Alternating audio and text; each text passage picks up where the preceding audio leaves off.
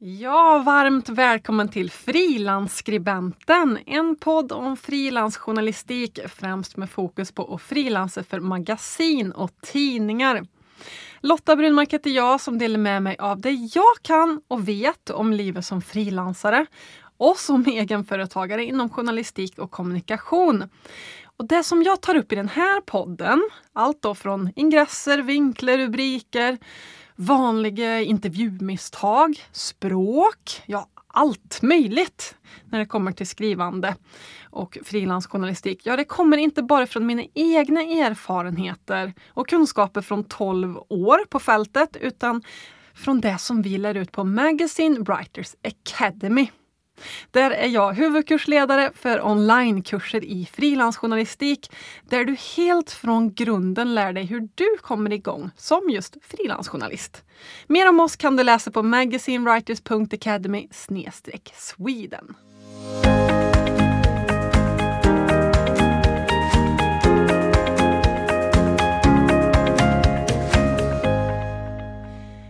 Idag handlar frilansskribenten om hur du kommer igång som frilansare.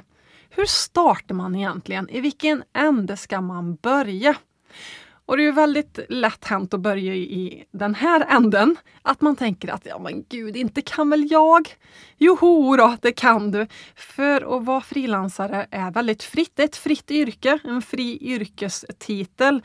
Det sa jag sist att det är inte som att vara advokat eller att vara läkare som lägger in pacemakers på patienter. De måste ju såklart ha en legitimation.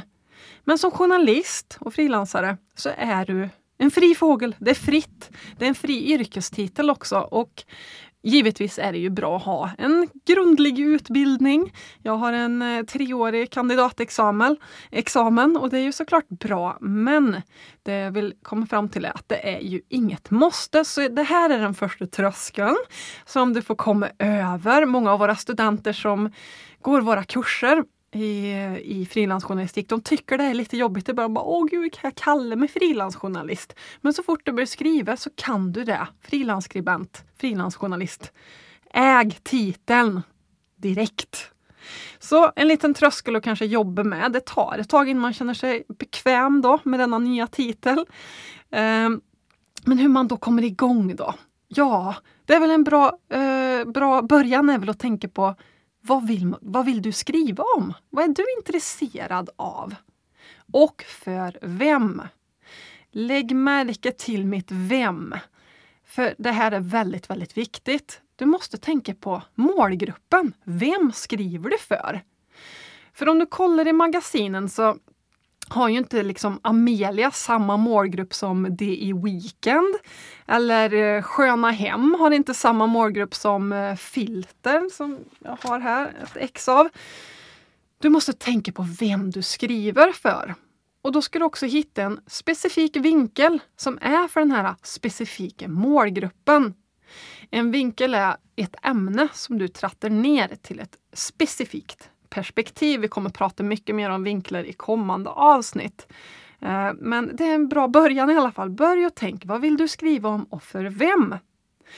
Om jag vore dig nu så skulle jag också ta på mig safarimössan eller safarihatten eller vad man nu har när man går ut på safari. Eh, gå på safari i tidningskiosken. Köp hem tidningar, köp hem magasin och börja bläddra, fundera över vem, vem skriver de för här egentligen? Kan du Se framför dig en viss person kanske som vill läsa just de här artiklarna. Köp gärna lite olika tidningar och studera vinklarna, studera artikelidéerna. Vad, vad handlar det om? För vem verkar det här vara? Jag har några exempel här då, till exempel på lite olika tidningar. Filter var jag inne på förut, tycker jag är ett jättebra magasin. Ett reportage om dödliga konsekvenser. Sverige valde en egen väg för att hantera problemet med nätdroger. Så det är ett långt reportage om det. Och vad tror du? Skulle den här vinkeln passa i topphälsa? Eller i hus och hem? Nja, det låter inte riktigt som ett ämne eller en vinkel för en sån tidning. Eller här då? Vem kan det här vara för?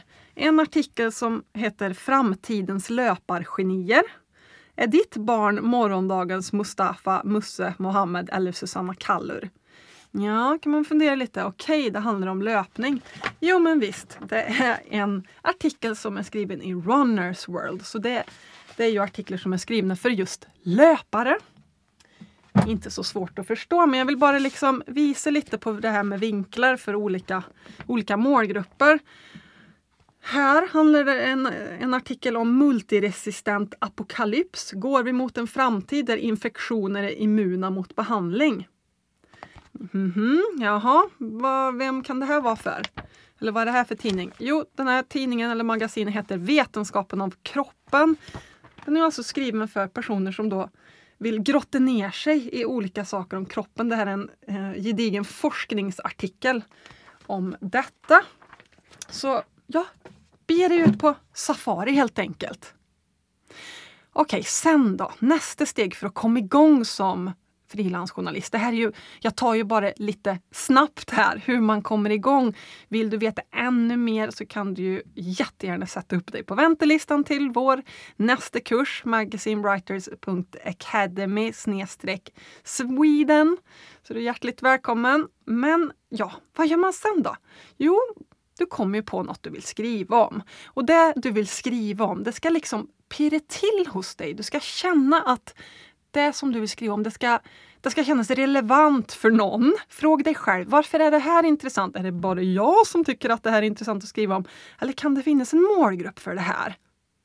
Och de här idéerna och vinklarna, hur kommer man på dem då? Vad ska man skriva om? Ja, men ofta kan du utgå från dig själv. Du kan hämta de här vinklarna ur ditt eget liv. Eller fråga vänner, vad, vad pratar folk om nu? Vad, vad, är relevant? Vad intresserar dig? Vad intresserar dem? Du ska alltså hitta den här unika artikelidén. Och när du har hittat den här idén som du brinner för, då är nästa steg att researcha ämnet. Du ska läsa på. Du kanske redan kan jättemycket om det här ämnet och det är väl superbra. Men annars så är det väldigt bra att googla, gå till biblioteket, läs vad som har skrivits om det, här, om det här ämnet tidigare. Du kan låna hem böcker om så behövs. Du behöver alltså läsa på grundligt för att förstå och kanske forma din vinkel ännu spetsigare efter att du har läst på. För det här gör alla journalister. Vi researcher det som vi ska skriva om. Ibland kan vi ingenting om det vi ska skriva om. Vi kanske blir tilldelade en uppgift om vi jobbar fast på en tidning. Ja, då gäller det att vara duktig på att researcha och läsa på. Och det här är faktiskt många av våra studenter som säger Jaha, jag trodde jag var tvungen att kunna allt om ämnet innan. Nej, det behöver du inte kunna. För det är det som vi gör som journalister. Vi tar reda på saker och ting. Och ta reda på saker och ting, det gör man också när man har hittat sina casepersoner. Alltså den som berörs av det här ämnet, din vinkel. Du ska hitta folk att intervjua och gärna någon expert i frågan också. Du behöver alltså källor, det har du säkert hört talas om. Någon som är berörd av det du skriver om och experter, personer alltså, och intervjua. Det ska vara riktiga människor som har varit med om det här och som kan ämnet. Och en artikel är inte som en blogg. Du sitter inte och skriver om dig själv, alltså att du har varit med om det här. Givetvis så kan du ju ha dig själv som utgångspunkt. Och det finns ju också artiklar där eh, journalistens jag är väldigt, väldigt synligt. Men allt som oftast så intervjuar vi som är journalister någon annan. Så ta dig själv som utgångspunkt, men du ska intervjua en annan person. Och sen när jag börjar skriva då. Och skrivandet, det kan jag inte lära ut i en, ett kort poddavsnitt. Ehm, det här är ju ett hantverk man jobbar med.